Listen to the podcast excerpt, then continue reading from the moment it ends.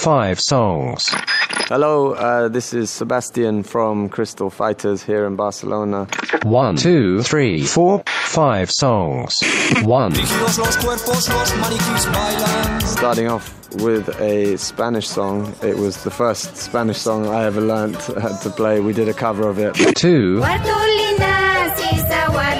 An artist from Bolivia uh, in South America, and uh, she is an amazing, amazing character. Still, still alive. three, If your time to you is worth saving. The times they are changing, and I just think in this in this moment it seems as more rele- as relevant as when I heard it. four, Uh, this is a song from Brazil, uh, a singer called Gilberto Gil. five, Represents uh, Joe Strummer and his whole attitude and that kind of punk attitude. five songs.